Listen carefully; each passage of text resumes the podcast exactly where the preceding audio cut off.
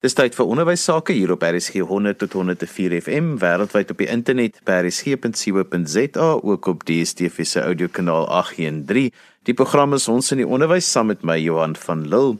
Vandag gesels ek 'n bietjie met Paul Colditz en Jaco Deeken van Fetsas omdat skole op hierdie tyd van jaar besig is met hulle beplannings en moet kennis neem van wat gebeur in die onderwyswêreld sodat 'n mens lekker kan regmaak vir volgende jaar. Het ek gevoel hulle is die twee ideale mense om vir ons 'n bietjie leiding daar te gee.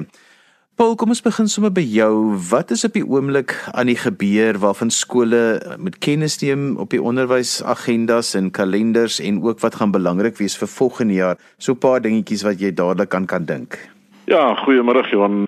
Daar is eintlik twee belangrike goed wat uh, hierdie tyd van die jaar spesifiek nou in hierdie jaar moet gebeur. Die eerste ene is uh, op hierdie tydstip van die jaar is skole besig met hulle begrotingsprosesse vir volgende jaar. En dan moet hulle kennis neem as deel van hierdie begrotingsproses van postevoorsiening onderhandelinge wat aan die gang sal wees hierdie tyd van die jaar. In sommige provinsies eintlik reeds afgehandel oor postevoorsiening vir volgende jaar. Watter poste aan die skole toegeken word sodat as hulle, hulle as deel van hulle begrotingsprosesse moet besluit watter addisionele poste hulle voor moet begroot as hulle geld het en as hulle die vermoë het en as daar 'n uitgebreide kurrikulum is om seker te maak dat hulle voldoende personeel het. Nie net onderwyspersoneel ook nie, maar ook uh, administratiewe personeel, instandhoudingspersoneel ensovoorts want daardie deel van die personeelvoorsiening is natuurlik ook vir skole tot op die been gesny deur die onderwysdepartemente. Die tweede belangrike ding is uh, wat ek graag wil beklemtoon en wat elke skool op hierdie tyd van die jaar uh, aandag aan moet gee, is die feit dat presies die helfte van die termyn van die verkose beheerliggame is nou verby. Hulle is in Maart verlede jaar eh, verkies en in Maart 2021 sal die volgende verkiesing plaasvind. So hulle het nou 18 maande agter die rug en daar lê 18 maande voor. So as deel van die hele begrotingsproses is belangrik vir beheerliggame van skole op hierdie stadium om seker te maak dat hulle behoorlike evaluasie doen van hulle prestasie, die doelwitte, die ideale wat hulle vir hulle self gestel het toe hulle verkies is in Maart verlede jaar. Het hulle dit bereik? Is daar tekortkominge? Is daar suksesse? Kan ons bou op die suksesse in die volgende 18 maande? Is daar goed wat ons moet regstel vir die volgende 18 maande? Dit is die twee belangrike goed wat ek graag sou wil beklemtoon. Jaco van jou kant af? Ja, ek ek wil aansluit by Paul. Deel van hierdie beplanningsproses is om regtig jou ouer gemeenskap in vertroue te neem. Weet as 'n ou nou met groot projekte sit en jy praat oor begrotings en swaar ekonomiese tye moet die beheerliggaam in 'n skool nie weghardloop van jou skoolgemeenskap af of vooruit hardloop in die gemeenskap nie saamvat nie. So deel van hierdie begrotingsproses uh, dis 'n baie groot en 'n verantwoordelike taak. Suksesvolle skole gaan komitees gebruik om te help om hierdie begroting saam te stel as dit 'n infrastruktuurontwikkeling is of dit 'n finansiële komitee is of 'n waardes of welstandskomitee om goeie insette te kry om te sê waarheen gaan ons. En dit gebeur natuurlik binne daardie raamwerk van die doelstellings wat die beheerliggaam vir hulself daar gestel het wat binne die skool se groter missiestelling moet plaasvind. Dis aan die een kant. Maar die ander belangrike item wat ek dink skole in ag moet neem is wat wat kan ons doen in hierdie termyn en tot die einde van die jaar ook in die begrotingsproses om seker te maak dat ons uitvoering gee aan hoekom ons 'n skool is. Wat is die kernaspekte binne ons skool wat vir ons belangrik is? Dit gaan natuurlik eerstens oor kwaliteit onderrig en leer binne jou skool en daarmee die prioriteit wees. Wat die begroting betref tot die einde van die jaar en ook vir die nuwe jaar, gaan ons voldoende begroot en gee ons genoegsame ondersteuning vir ons onderwyspersoneel en dan ook vir die leerders om daarby uit te kom. Die tweede is dat hierdie gedeelte van die jaar is eintlik 'n baie vinnige deel van die jaar. Hierdie kwartaal het pas so 11 weke in wat so 53 skooldae is met naamlik eksamene geskryf word en baie van die sportligas word afgehandel en is uitspelwedstryde en is nog 'n paar paar groot sporthoogtepunte vir die kwartaal. En dan sal bitter kort vakansie. En die vierde skoolkwartaal is gewoonlik die kwartaal wat amper die kortste kwartaal is. Hoewel daar 10 weke in die kwartaal is, weet ons die skole begin eintlik maar baie baie vroeg eksamens skryf. So die akademiese dae is baie min vir die meeste leerders en vir ons matrikulante dink ek is daar as ek reg getel het omtrent so 7 skooldae oor dan is die matrikulante klaar. So dis in die akademiese program nog 'n belangrike tyd wat nou voorlê. Paul, ek wil terugkom na begrotings toe. Is daar enige iets wat uit die onderwysdepartement af uitkom wat skole in gedagte moet hou om 'n volledige haalbare eh, begroting wat deur dag is daar neer te sit? Is daar enige dinge wat hulle aan die bespreek is wat skole dalk in hulle agterkop moet hou wat mag dalk verander of wat dalk 'n bietjie anders geïnterpreteer moet word, daai tipe van ding? Ja, daar daar's eintlik net een ding en dit raak maar net die laerskole wat by die stadium onder bespreking is, maar ek meen dit is al onder bespreking vir die afgelope byna 10 jaar en dit is die posisie van graad R en die gedagte van die uh, president dat alle voorskoolse onderrig, voorskoolse groepe moet skuif van die departement van maatskaplike ontwikkeling moet oorskuif na departement van onderwys. Dit kan in die toekoms 'n impak hê op laerskole wat graad R het en voorgraad R klasse ensovoorts.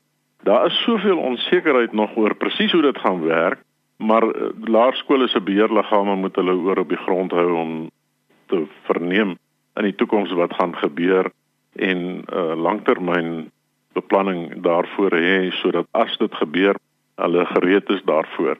Wat betref finansiering vir skole van die kant van die staat af, is daar geen verandering nie. Dit sal maar werk soos in die verlede. Voor die 30ste September behoort die skole in kennis gestel te word van die bedrag wat hulle volgende jaar van die departement af as oordragbetalings gaan ontvang. Dit moet bereken word in hulle begrotings. Hulle het reeds die inligting daaroor is eintlik reeds beskikbaar in uh, kennisgewing wat die minister van onderwys, uh, minister van basiese onderwys uitgereik het met betrekking tot waarop skole in die verskillende kwintiele volgende jaar geregtig sal wees. So skole kan min of meer 'n beraming maak van wat die finansiële steun is wat hulle van die departement gaan kry. En dan natuurlik uh, is daar die hele kwessie van die vierde industriële revolusie wat ook onder bespreking is, ontwikkelinge wat in daardie verband kan kom. En weer die departement uh, reageer maar baie stadig op hierdie tipe van goed. Uh, baie stadig met die uitrol van hulle uh, gedagtes en programme en die kurrikulum. Maar skole wat proaktief is, sal solank begin kyk na die uh, inbring van tegnologie en wat ook al nodig mag wees met betrekking tot gereedmaking vir 'n potensieel nuwe kurrikulum wat sterker gaan fokus op die tegnologie om aan die eise van die vierde industriële revolusie te voldoen. Nou ten opsigte daarvan uh, het ons binne FETSAS 'n sentrum vir tegnologie wat deur skole genader kan word. Die kontakbesonderhede is op ons webblad om hulp en advies te kry oor waarvoor hulle hulle self gereed moet maak, watter planne hulle nou reeds kan doen want jy besluit nie vandag ek gaan nou uh, op groot skaal oorskakel na tegnologie nie. Dit is 'n langtermynproses wat beplan moet word en waarvoor begroot moet word. Paul ek wil nou so 'n klein bietjie invra daar want ons lees nou in die nuus van die tablette wat na skole toe kom al daardie tipe goeders. En baie skole het 'n 5 tot 6 jaar plan wat hulle tegnologie in hulle skole gaan maak werk dan is die vraag mos dan maar altyd wat moet 'n mens nou aangaan daarmee of moet 'n mens 'n bietjie terughou en kyk wat gaan gebeur? Dis nog al 'n moeilike besluit want ek meen 'n 'n skool wat op wielietjies hardloop wil mos nou weet hoe dinge gaan werk. Ja. Kyk ek dink eh, ek dink wat skole uh, aanbetref uh, wat hulle beplanning aanbetref moet hulle nie noodwendig sit en verwag wag vir die departement vir finale planne in die verband nie. Ons het almal 'n redelike goeie idee van wat die eise gaan wees en uh, wat die uh, beplanning behoort te wees vir die toekoms en weer wil ek beklemtoon as skole daaroor onseker is kontak gerus ons sentrum vir tegnologie wat baie skerp op hoogte is van wat die toekoms gaan inhou en watter planne uh, uh, skole in werking behoort te stel Weereens, dis nie 'n ding wat 'n mens oornag moet besluit nie. Jy gaan lewer nie sommer net 'n klomp tablette by skole af en sê, "Goed, nou het jy tegnologie nie." Daar's 'n klomp uh, faktore wat in berekening gebring moet word. Die hele kwessie van sekuriteit, die opleiding van jou eie personeel om maksimum voordeel te kan trek uit uh, die tegnologiese toestelle wat beskikbaar is en wat in die toekoms beskikbaar gaan word. Die behoeftes wat daar gaan wees ook aan opleiding in spesifieke rigtings waarin mense reeds kan voorspel daar 'n groot behoefte in die toekoms gaan wees. So dit is nie 'n oornagbesluit nie, dit is 'n besluit waarvoor daar deeglike beplanning moet gedoen word. Vandag gesels ek met Paul Kolditz en Jaco Deeken van Fetsas en ons praat so 'n bietjie oor die dinge waarvan skole moet kennis neem vir hulle begrotings, vir hulle beplannings vir volgende jaar en hoe as jy die probleme kan oplos. Jaco, ek wil bietjie praat oor postevoorsiening. Dis mos maar altyd enige ouers se uh, bekommernis, maar ook hulle wil tog maar hê dat daar nie te veel kinders in 'n klas moet wees nie. Is daar enigiets wat daar gaan verander of watter wenke gee julle vir skole hieroor? Ja, dit is 'n kopseer vir baie skole omdat die druk op begrotings van die departement van so aard is dat skole hoor meer gereeld dat hulle poste verloor as wat hulle noodwendig poste sou bykry. Selfs al is daar 'n minimale groei, is die kans ook daar dat jy nie noodwendig nog 'n pos gaan bykry nie.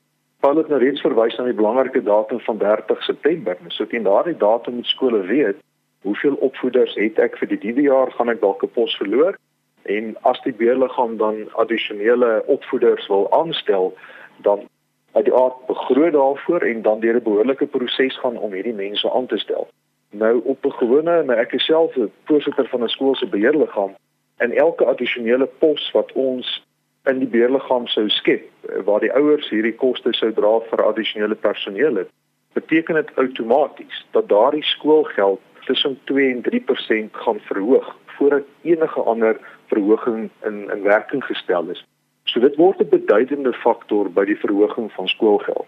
Nou 'n ander faktor wat beheerliggame in ag moet neem veral by die skole wat die Afrika taal al reeds geïmplementeer het, is dat ons het nog geen voeltjies oorvlei oor die volgende fase waarin hierdie leerders ingaan nie want daar spesiale poste geskep in die grondslagfase dis nou graad 1 graad 2 en graad 3 en die groot gros skole wat in die eerste loopie begin deelneem het se leerders skuif nou almal in die volgende onderwysfase in van graad 4 5 en 6 en ons het nog nie van provinsiale departemente gehoor oor hoe die poste gaan werk in daardie fase en ook die leermateriaal nie en ek dink beheerliggame wat daardie tyd die besluit geneem het dat dit belangrik is om Afrika taal by jou skool in te bring en ons kinders vaardig te maak om 'n betekenisvolle rol in die samelewing te speel, gaan dalk moet begroot om uit eie sak dalk moet hierdie projek voort te gaan of gaan nou reeds druk op die departemente moet begin uitoefen deur vrae te vra en briewe te skryf oor poste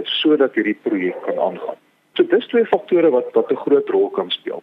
Nou uit internasionale navorsing weet ons kleiner klasse maak dit makliker vir die opvoeder om probleme te identifiseer en onderrig vind makliker plaas. Daarom sal 'n goeie beheerliggaam poog om klasse kleiner te kry en so klein as moontlik. Dis ook 'n realiteit dat die departement nie noodwendig poste of mense vir jou gee vir 'n groot verskeidenheid vakkeuses nie. Paul het ook daarna verby so hoe meer opsies 'n skool vir hulle leerders aanbied en dalk uh, vakke en taalvakke dalk uh, gaan dit beteken dat daar sal klein groepie leerders wat vir 'n spesifieke taalopsie sou inskryf. En dit gaan noodgedwonge begrotingsimplikasies hê omdat die departement nie noodwendig elkeen van die keusevakke wat aangebied word by die skool se poste gaan gaan befonds nie. So dis 'n belangrike tyd vir die beheerliggaam om te besluit wat is die kernaspekte waar ons moet aandag gee in poste en ons sê baie vir ons skole dit stelsels maak nie die groot verskil nie, dis mense wat die verskil maak. So ons wil die beste moontlike opvoeders en personeel by ons skole hê en hulle behou en dit so goed as moontlik vergoed en ook kyk na voordele om hierdie mense so lank as moontlik in die stelsel en binne ons skole te hou. Paul, jy het in die eerste gedeelte van vandag se programme opmerking gemaak dat die beheerliggame nou aan die einde van die jaar halfpad deur hulle termyn is en dat hulle moet bietjie gaan nadink oor hoe ver hulle gevorder het met dit wat hulle vir hulle self uitgesit het. Daardie proses, uh, watter voorstelle het julle daar dat skole dit objektief kan doen, dat hulle dit so kan doen, weet dat dit tot voordeel van die skole is want baie keer kan 'n mens mos maar ook jouself op die skouer klop en eintlik meet jy nie dit wat nodig is om gemeet te word nie. Johan, vir ons lede het ons verskeie meetinstrumente ontwikkel om 'n paar goed te behoorlik te evalueer en sover moontlik objektief te probeer evalueer. Die eerste is natuurlik die individuele prestasie van die individuele beheerliggaamlid waar dit selfevaluering is om uh, te bepaal uh, dit wat ek vir myself ten doel gestel het en dit wat my verantwoordelikhede is ten aansien van deelname aan die aktiwiteite van die beheerliggaam, het ek daaraan voldoen? Waar is die tekortkominge? Waar is die suksesse? Waar is verbetering nodig? Dan het ons ook 'n meetinstrument vir die kollektiewe beheerliggaam vir die wat die beheerliggaam gesamentlik uh sy eie prestasie oor 'n jaartermyn evalueer. Hierdie sal nou die ideale geleentheid wees omdat dit die helfte van hulle termyn is om daardie instrumente gebruik om die beheerliggaam as liggaam se prestasie te evalueer. En dan is daar 'n derde ene en dit is om die skool se prestasie te evalueer. Seker te maak ook dat die ideale wat daar gestel is ten aansien van die skool of dit bereik is, waar die tekortkominge is en wat alles in plek is by die skool wat daar in plek moes gewees het waar daar in daardie geval ook tekortkominge is wat ter regstellings gedoen moet word in die nuwe jaar. En dit is belangrik dat dit juis nou in hierdie derde kwartaal gedoen moet word omdat daardie evaluasie bepaalde begrotingsimplikasies kan hê en dit moet deel vorm van die begroting.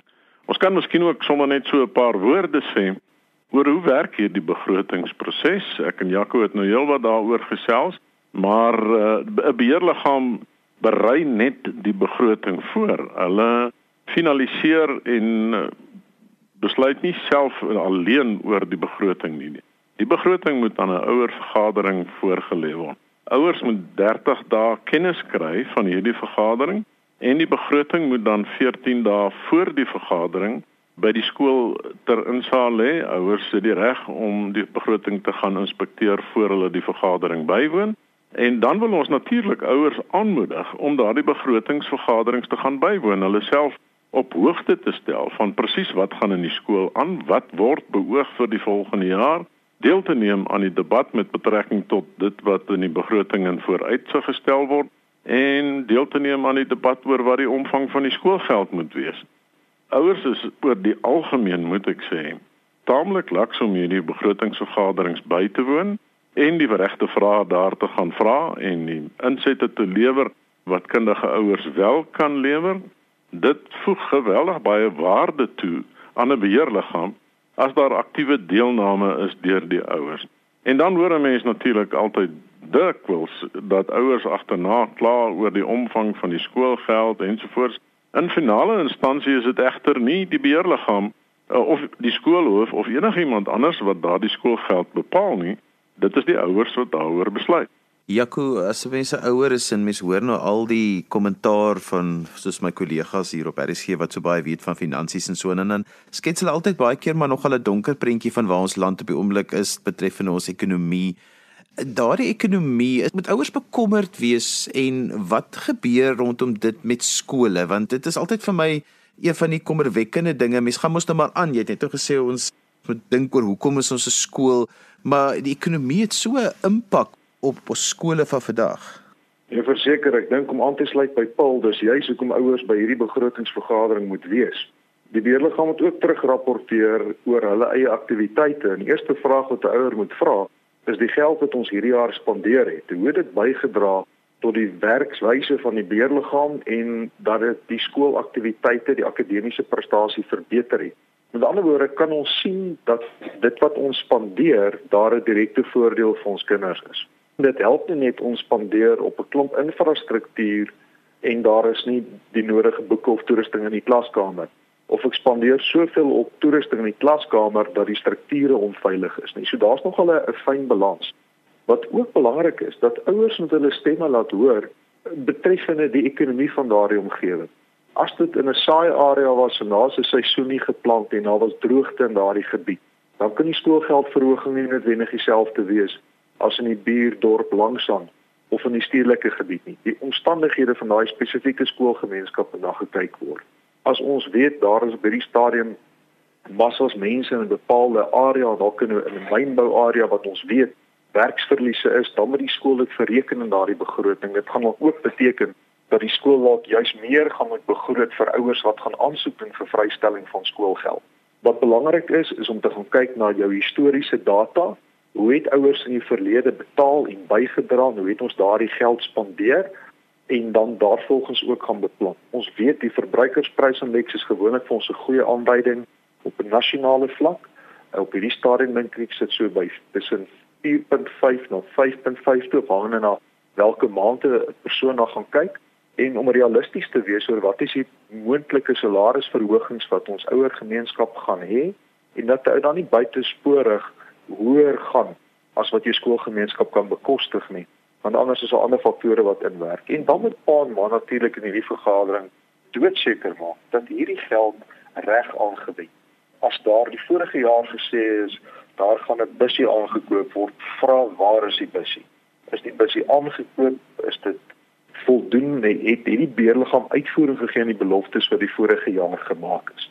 Of as die die vorige jaar gesê het ons gaan die skroewe begin aandrou wanbetalers, vra vir die beheerliggaam wat was die sukseskoers gewees om die wanbetalers te kry? Of as daar 'n groot salarisrekening is, vra vir die beheerliggaam, is elkeen van hierdie persone werklik nodig? Is daar prestasiebestuur betrokke? En eh, as ouers nie hierdie vrae vra nie, dan dan gaan die beheerliggaam eenvoudig maar op eie moet voortgaan en dan moet ouers nie kla na die tyd om te sê julle betaal te veel vir personeel of is te min personeel nie want dit is nou juist die geleentheid waar ouers hierdie vrae moet en kan vra en ouers 'n begroting kan afkeer indien hulle nie tevrede is dat die beheerliggaam elke item kan regverdig wat daar is nie. Paul, ek weet julle help graag skole as skole meer inligting wil hê, hoe kan hulle by julle uitkom en ek weet ook julle het nou so 'n oulike webinar reeks wat julle aanbied. Vertel so kortliks daarvan en dan ook net jou julle webtuiste adres asseblief. Ja, goed, kom ek begin by die makliker een, die webtuiste adres www.fetsas.org.za. As uh, luisteraars ons sou wou kontak, daar is 'n kontak ons blokkie uh, waar die besonderhede is van uh, al ons provinsiale verteenwoordigers, ons nasionale kantoor waar mense ons kan skakel. Dit is die kontakgedeelte. En dan ons het uh, so aan die einde van verlede jaar begin met webinare om dit makliker te maak vir mense om ingelig te word oor 'n klomp goed. Ons praat nou juis oor begrotings. Ons bied uh, by wyse van webinar advies aan skole, aan onderwysers, aan beheerliggame, kort uur sessies. Die besonderhede daarvan is ook by ons provinsiale verteenwoordigers beskikbaar en op ons webwerf beskikbaar en op sosiale media beskikbaar vir mense om in te skakel daarop sodat hulle op hoogte kan bly van 'n reeks onderwerpe wat ons behandel wat van belang is vir beheerliggame en vir skole oor die algemeen. Dis die nuwe manier van doen in plaas daarvan om van uh, argumente onthou uh, Beaufort te ry Kaapstad toe om daar 'n uh, inligting sessie te gaan bywoon, sit jy in jou kantoor en jy woon presies dieselfde interaktiewe sessie by teen minimale koste. Trouwens teen geen koste vir jou. En so gesels Paul Kolditz en Jaco Deeken van Fetsas. Ons vandag so 'n bietjie gesels oor dinge waarvan 'n mens moet kennis neem vir jou begroting en vir volgende jaar se beplanning en wat belangrik is vir jou skool. daarmee groet ek dan vir vandag tot volgende week van my Johan van Lille. Totsiens.